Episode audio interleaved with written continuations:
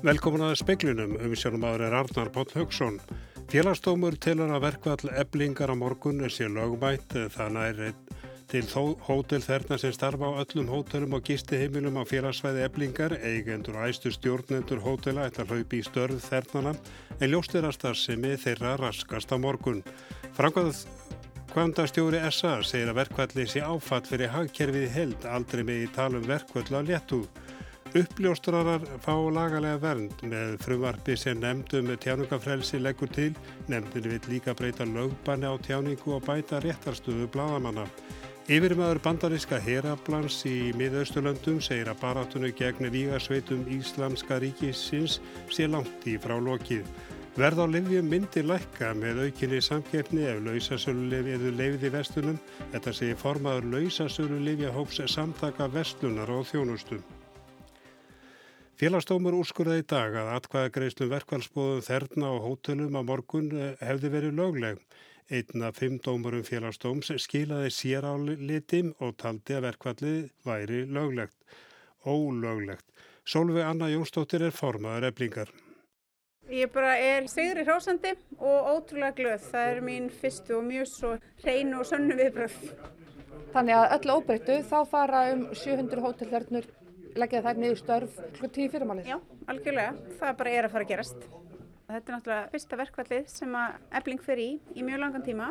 Þetta er verkvall 89% þeirra sem að tóku þátt, kursu með því að fara í verkvall.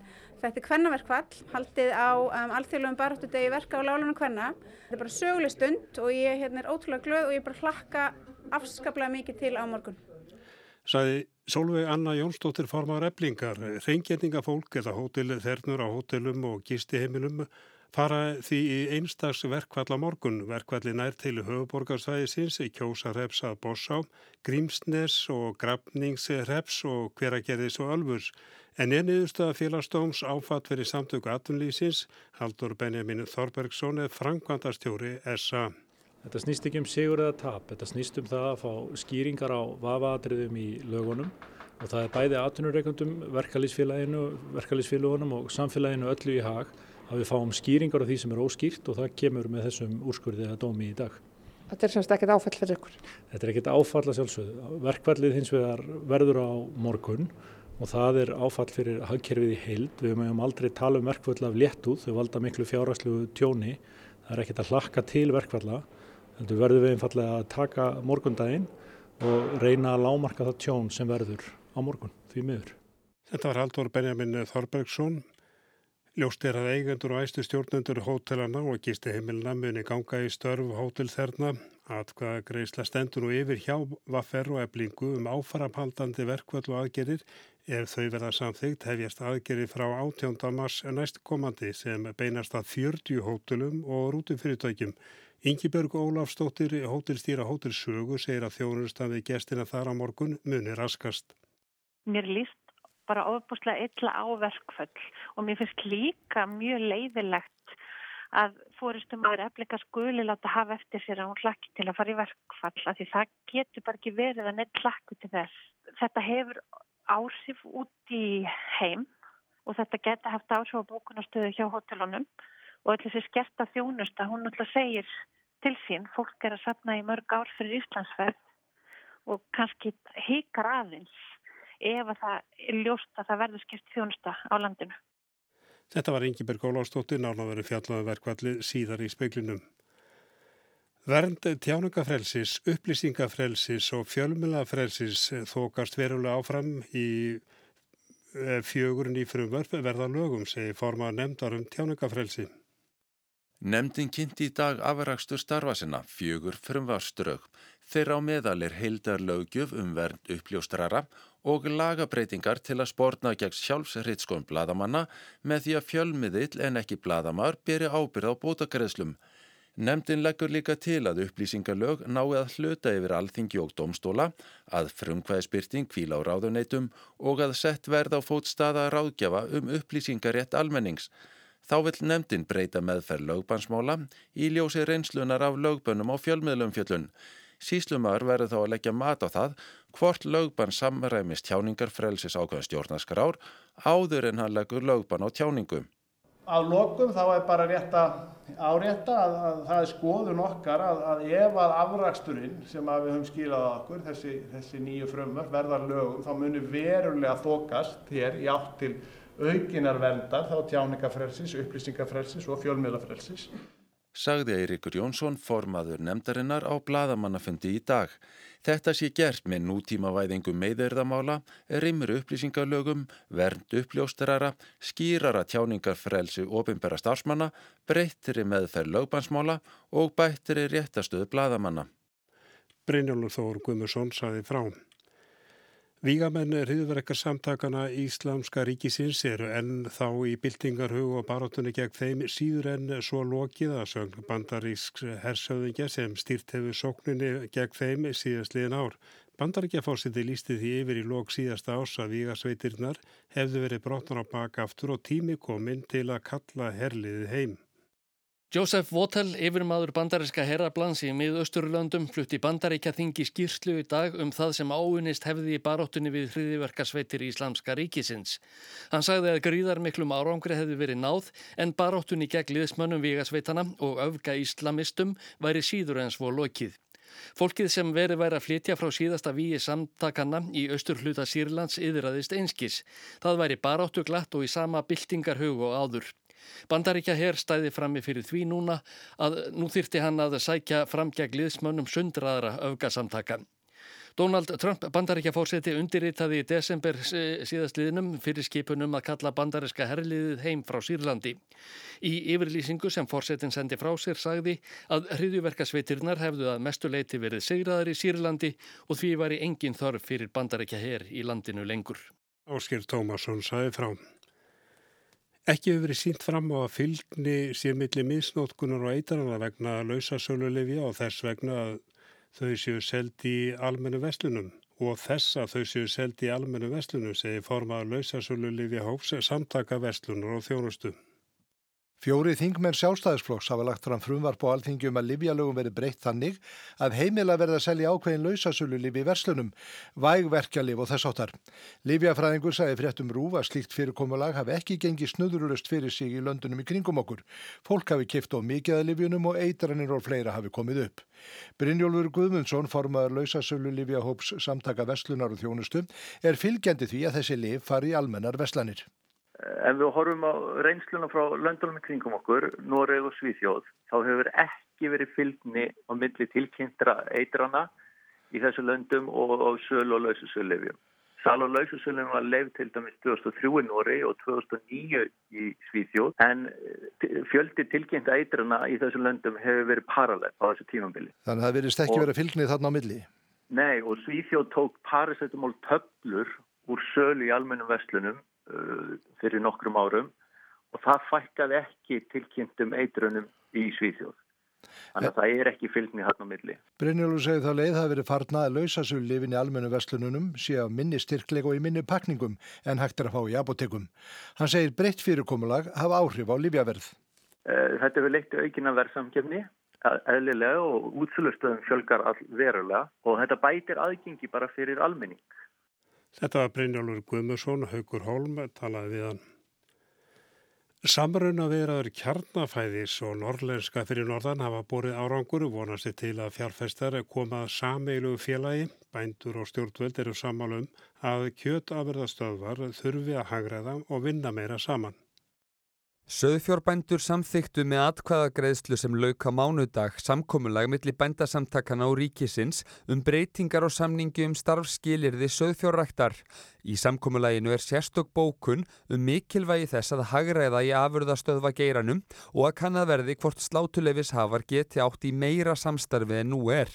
Fleiri eru á þessari skoðun en það hefur rekstur kjöttafurðastöðva verið þungur síðustu ár.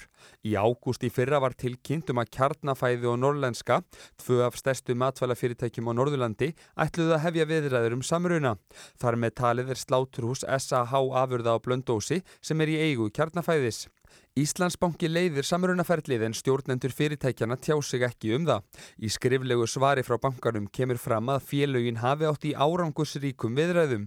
Ekki sé gert ráð fyrir að fleiri afurðastöðvar verði hluti fyrirhugaða samruna og þá hafi yngar ákvarðanir verið teknar um mögulega aðkomu fjárfesta. Kjarnafæði er í eigu bræðrana Eðs og Hreins Gunnlaugsona en norlenska er í eigu um 500 bænda. Samkvæmt áræðanlegum heimildum fréttastofu hefur verið leita til fagfjárfesta á Norðurlandi og þeim bóðin aðkoma að sameinlugu félagi. Í svari Íslandsbanka segir að áræðanleika könnunum sé lokið, unnið þeirra tilkynningu til samkeppnis yfirvalda en samþykki þeirra er forsenda samruna. Jón Þór Kristjánsson saði frá. Og það aftur að verkvallinu á morgunum. 700 félagsmenn eblingar fari verkvall á morgun eftir að ljóst er að verkvalli er löglegt að mati félagstóms. Það hefst klukkan 10 í fyrramálið og líkur á miðnætti. Það nær til hótel þerna sem starfa við þrýfa hótelum og gistiheimilum á öllu félagsvæði eblingar. Og það ríkti nokkur óvisa um niðurstöðu félagstóms en kom niðurstöðan forman eblingar á óvart. Nei og ég myndi nú ekki segja að við höfum farið í þetta í óvissu vegna þess að við náttúrulega eins og margótt hefur komið fram ráðferðum okkur bara mjög vel við lögumenn ASI og við okkar um, lögumann uh, sem að hérna fór með þetta mál fyrir okkur. Þannig að ég var svo sem alltaf bara mjög sannferðum að þetta er því niðurstan. Það verkvall á morgun á alþjóðlegum baröndi hverna, mm -hmm. hefur það mikla merkingu? Það hefur mjög mikla merkingu. Það hlýtur bara öllum að vera ljóst. Ég menna uh, konur sem að tilheyra stjætt verka á láluna hverna á Íslandi hafa þurft að þóla hér árum og áratugum saman um algjörst skeitingarleysi þeirra sem fara með völ. Við höfum verið látna að búa undir þessari viðbyslu og samröndu lálunastefnu sem ger það verkum að það er alveg sama hvar við ætlum að vinna, hvort það er hjá um, hinnu einu launin sem að okkur bjóðast eru bara skítalaun. Um, þetta er bara fyrsti dagurinn í um, upprisu sem er löngu, löngu tímabær þannig að ég er mjög glöð, ég er mjög spennt og þetta er söguleg stund.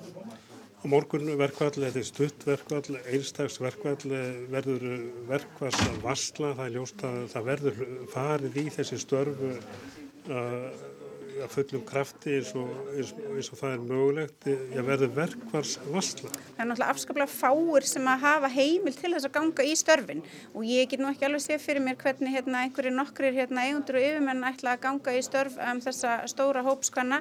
Um, auðvitað verðum einhverja verkvælsvöslu Um, að sjálfsög, en við munum fyrst og fremst bara einbytt okkur að því að koma saman í gamla bíó um, til þess að hittast, um, til þess að hérna, ráða ráðum okkur, til þess að ebla baráttu anda hvor hjá annari, en jú, að sjálfsög verðum við verkfallsvöslu. Þetta var Solveig Anna Jónsdóttir formar eblingar eftir að hún hafi lít á dómsorðið í dag. Ágreiningurinn snýrist um hvernig ber að tólka ákvæði 15. greina lag um stjættarfjölu og vinnudeilur.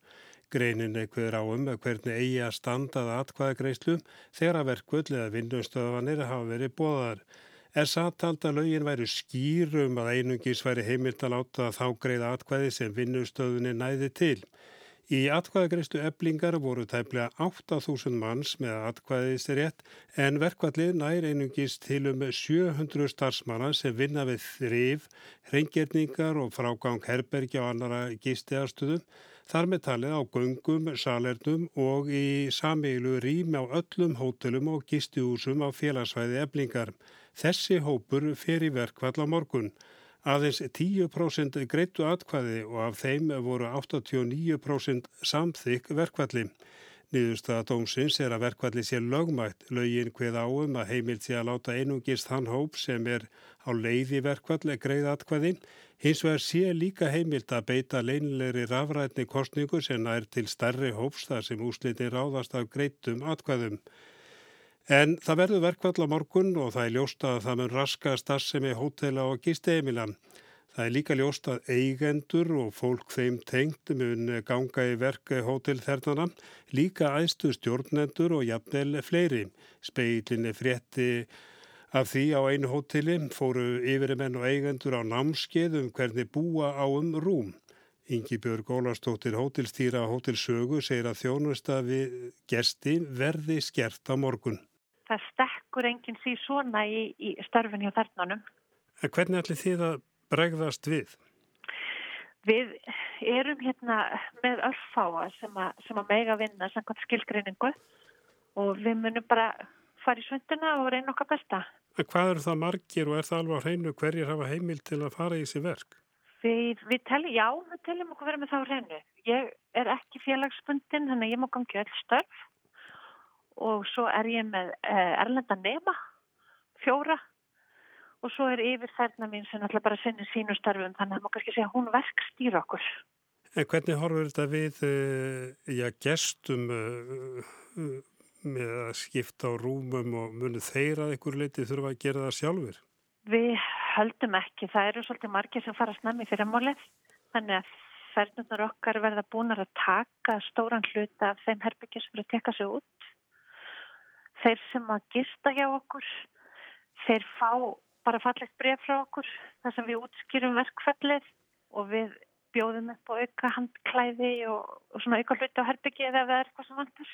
En þið teljið að þessi starfsmenn eh, sem þið teljið að við heimil til að gangi í störfin að þeir geti svona nokkur veginn eh, sint eh, þrifum og öðrum á morgun.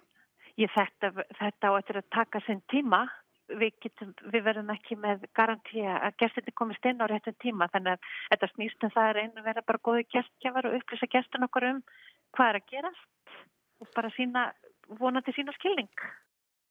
Þetta var Ingi Björg Óláfstóttir. NPA gerir mér kleift að mæta sent í skólan. Þetta segir ásteildur Jóna Guðmundstóttir, 24 ára háskólanemi. Hún er búin að vera með notendastýrða personlega aðstóð í fjögur ár. Aðstóðar kona hennar segist stundum gleima því að hún sé vinnunni. Speilin heldur áfram umfjöldun sinnum notendastýrða personlega aðstóð NPA.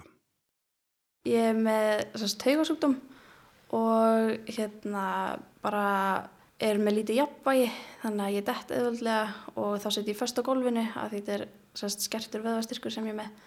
Og um, já ég bara að það sem helsta sem aðstofamannski minn gerir er að bara halda töskunni fyrir mig, skólutöskunni opna hurðar og ég fæ að styðja mig við hana Hún segist að það þurfti að hafa því að fá samning en svo hafi sveitafélagið, Mósfellsbær, tekið við sér og síðan hafi allt gengið smurt fyrir sig. Ástildur er með tvær aðstofakonur í vinnu og fær aðstof 12 tíma á dag, alla virka daga. Þjónustan hefur breytt hennar lífi, gerir henni kleift að búa einn og gera það sem hún vill. Áður en hún fekk MPA fekk hún enga formlega aðstof og þurfti að treysta alfarið á fjölskyldu og vini. Sjúkdóminn er kannski hans búin að versna síðan þá en ég fór í skólan bara sjálf en svo fekk ég mikið aðstof frá bara öðrum nefndum í skólanum. Ég byrjaði í háskólanum og ég byrjaði að setja í sæti sem ég gæti ekki staðið upp úr þannig ég þurfti bara að pikka í næsta mann og veist, ég kynntist hellinga fólki að nefn, það var mjög óþægilegt. Kanski skemmtilegra að kynast fólki að öðrum fórsöndum? Já, algjörlega. Þetta var, þetta var svona óvennileg staða. Og mikill munur á því að geta rétt sig á mannsku sem að fær borgall fyrir að aðstofa þig? Já, alveg klálega. Og líka bara, ég get bara svolítið gert það sem ég langar að vera að gera. Já, bara farið þangar sem ég langar að fara. Ég þarf ekki alltaf að vera að tjekka á mamma og pappa og aðtöða hvort að þau geti hjálp mér inn þarna hitt mig þarna eða þurfa alltaf að reyna að suði vinkonum mínum til að gera hitt og þetta með mér eins og þegar ég var líka þegar ég var að fara í, í klipping og litin þá var ég bara, ég þekki mínar klippikonum mjög vel og þær voru farin að vera vanar í að þurfa að hjálpa mér upp þar og svona, þetta er bara leiðilegt. Fólk sem er með MPA ræður sitt aðstofa fólk sjálft og verkstýriði. Ástildur segir að þetta geti tekið á. Ráðningarferðlið sé líklega erfiðast krefist mikillar vinnu. Hún segir að það hefur gengið vel en hún hefur þó ekki haldið í allt starfsfólk sem hún hefur ráðið. Stundum gengur samstarfið ekki upp. En það hefur verið þá bara, veist, við hefum verið sammála um það og, og það, það hefur þá, þá líka bara veist, gengið vel. Silvíja Ösp Símonardóttir er önnur aðstofakvenna ástildar. Ég hef verið að vinna lengi í heilsugjörunum og mest svona á sjúkrahúsum og dvalaheimilum og svona og maður langaði að pröfa eitthvað nýtt og sá auðlýsingunni hjá ástildi og, og sóttum.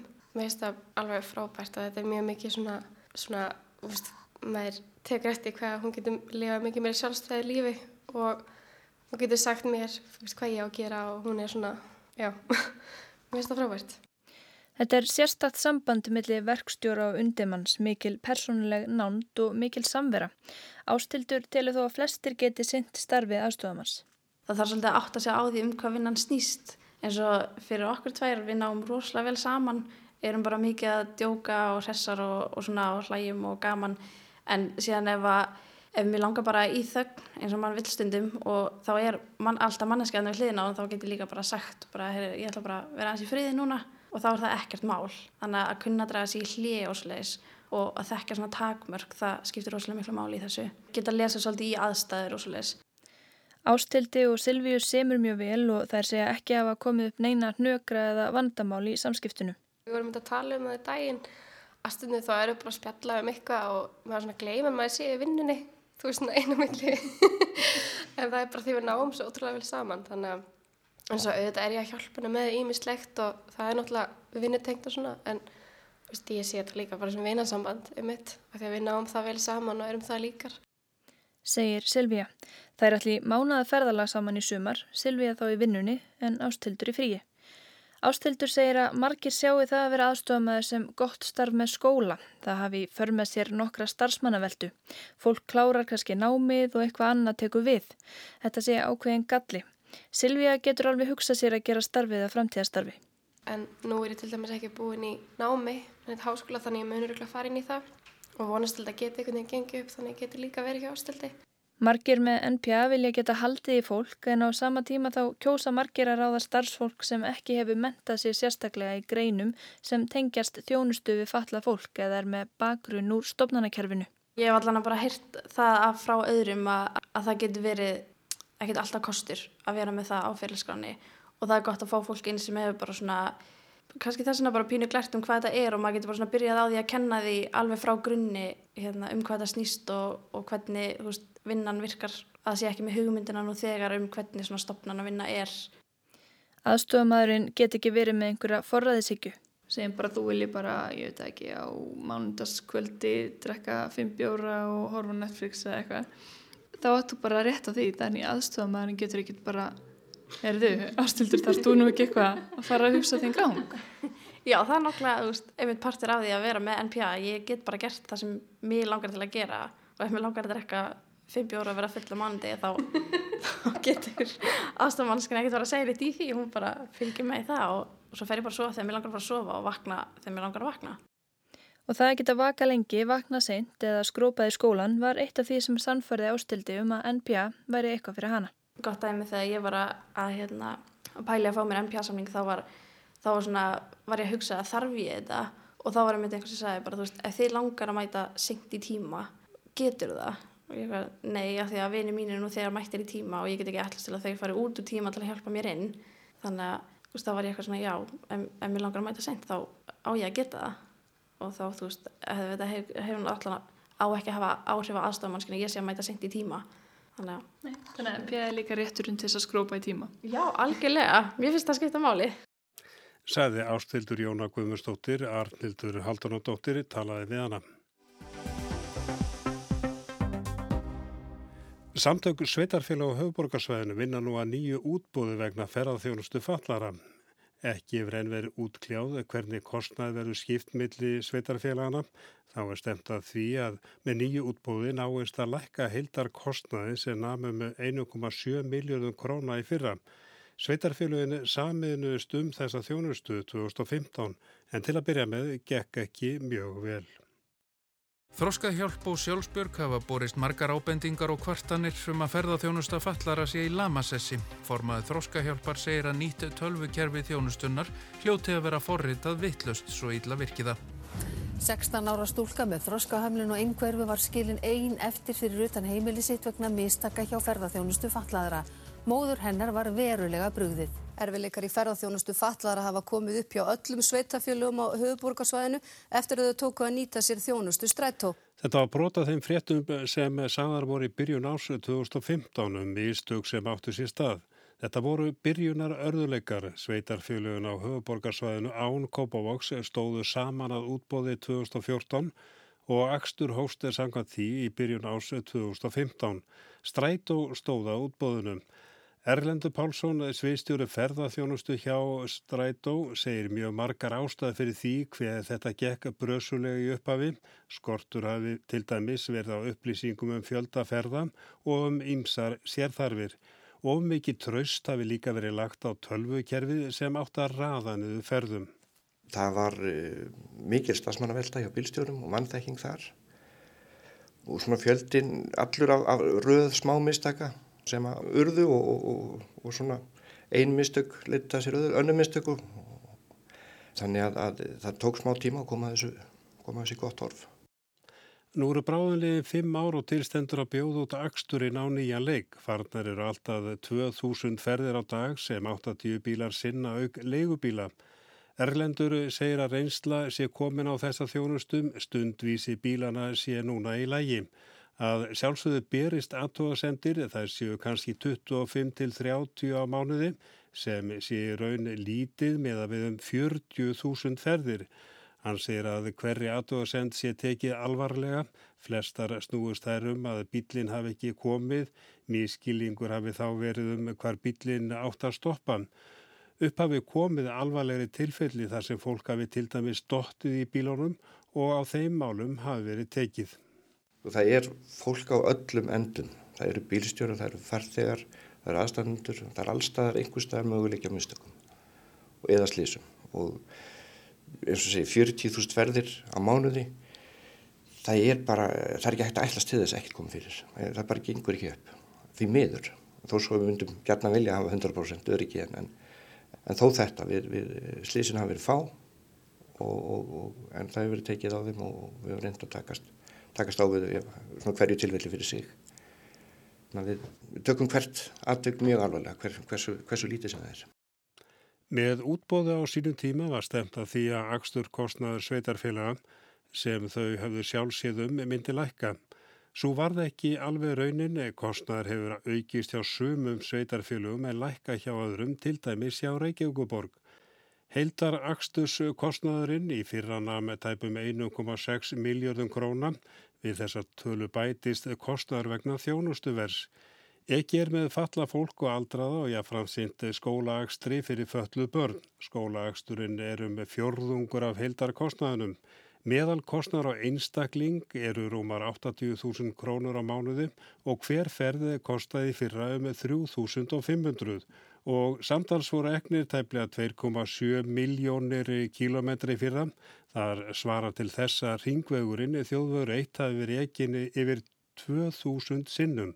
Að jafna er ekki með yfir 1300 fallaða einstaklinga í hverju mánuði og um 240 vegna skólagöngu. Bílánum er skipti í A og B bíla og að auki eru farnar um 200 leigubílaferðir á dag. Ég held þetta að vera hárréttlið með að við þær upplýsingar sem við höfum, eh, með, með þær upplýsingar sem voru til staðar á þenn tíma. Það var rosalega óvisa um ferðarfjölda og þjónustu tíma og svo frammeðis og frammeðis. Þannig að óvisan var svo mikil að það varða að hafa þessa B tilfallandi bíla til þess að geta að, að á þeim tíma var meira sér haldið að þeir, þessi bílir dögðu til að, að það þyrst ekki að fara út í, út í að, kaupa legubíla. En dag eru að kaupa 200 legubíla fyrir á dag. Það vaka 80 bílar á stað á hverju morgni að minnstakosti virkudagana. 30 þeirra eru mertir í strætólitónum. 50 svo kallar B-bílar sem geta verið þannig séð velbúnir og geta tekið fatlaði hjólastóla. A-bílarnir eru reknir að sama verktaka hópbílum, B-bílum er greitt fyrir tilfallandi akstur. Að auki aka venjulegir leigubílar 200 ferðir á dag eins og fyrrsaði. Í útbúðinu sem nú er verið að undirbúa fyrir næstu fimm ár er gert ráð fyrir að hætt verða með svo kallar B-bíla og í þeirra stað notaði leigubílar. A-bílum verði fjölga úr 30 í 50. Það er einfallega bara ekki þörf fyrir það lengur. Óvissan er ekki fyrir til staðar lengur. Þannig að það er svona fyrst og fremst stað og eru, eru margir frábærir bílstjóru þarna í bíafloknum gaman reyndir og góðir vorandi fáum við að nota þeirra þjónast áfram á leigubíl. Þetta eru flestir þeirra eru leigubílstjórar. Núni í dag vitum við svo miklu miklu meira. Og við getum stilt af axtus þörfina og þetta snýst náttúrulega um að koma farþegum í hjólastólum á millistaða við getum ekki treyst á neina aðra bíla til þess. Þannig að, að, að okkar uppsetning snýst um það að, að hafa næjanlega marga hjólastólabíla til staðar til þess að við, getum, við lendum aldrei í vandræði með, með hjólastólaferð og uh, síðan geta umfram farþegar sem við náum ekki að sinna á bílunum til að fara síðan leigubíla. Þannig að þannig náum við utanum þetta. Þetta var Erlendur Pálsson og það var allra helst í speiklunum að félagstómur tilur að verkvall eblingar á morgun sé lögmætt. Það nær til hótelþerna sem starfa á öllum hótelum og gísteimilum á félagsvæði eblingar. Og frangandastjóri SA segir að verkvalli sé áfatt fyrir hagkerfið heild. Aldrei megi tala um verkvöld af léttúð. En þetta var helst í speiklunum og það er ekki fleira í honum. Tæknumar var Jón Þór Helgarsson, verið sæl.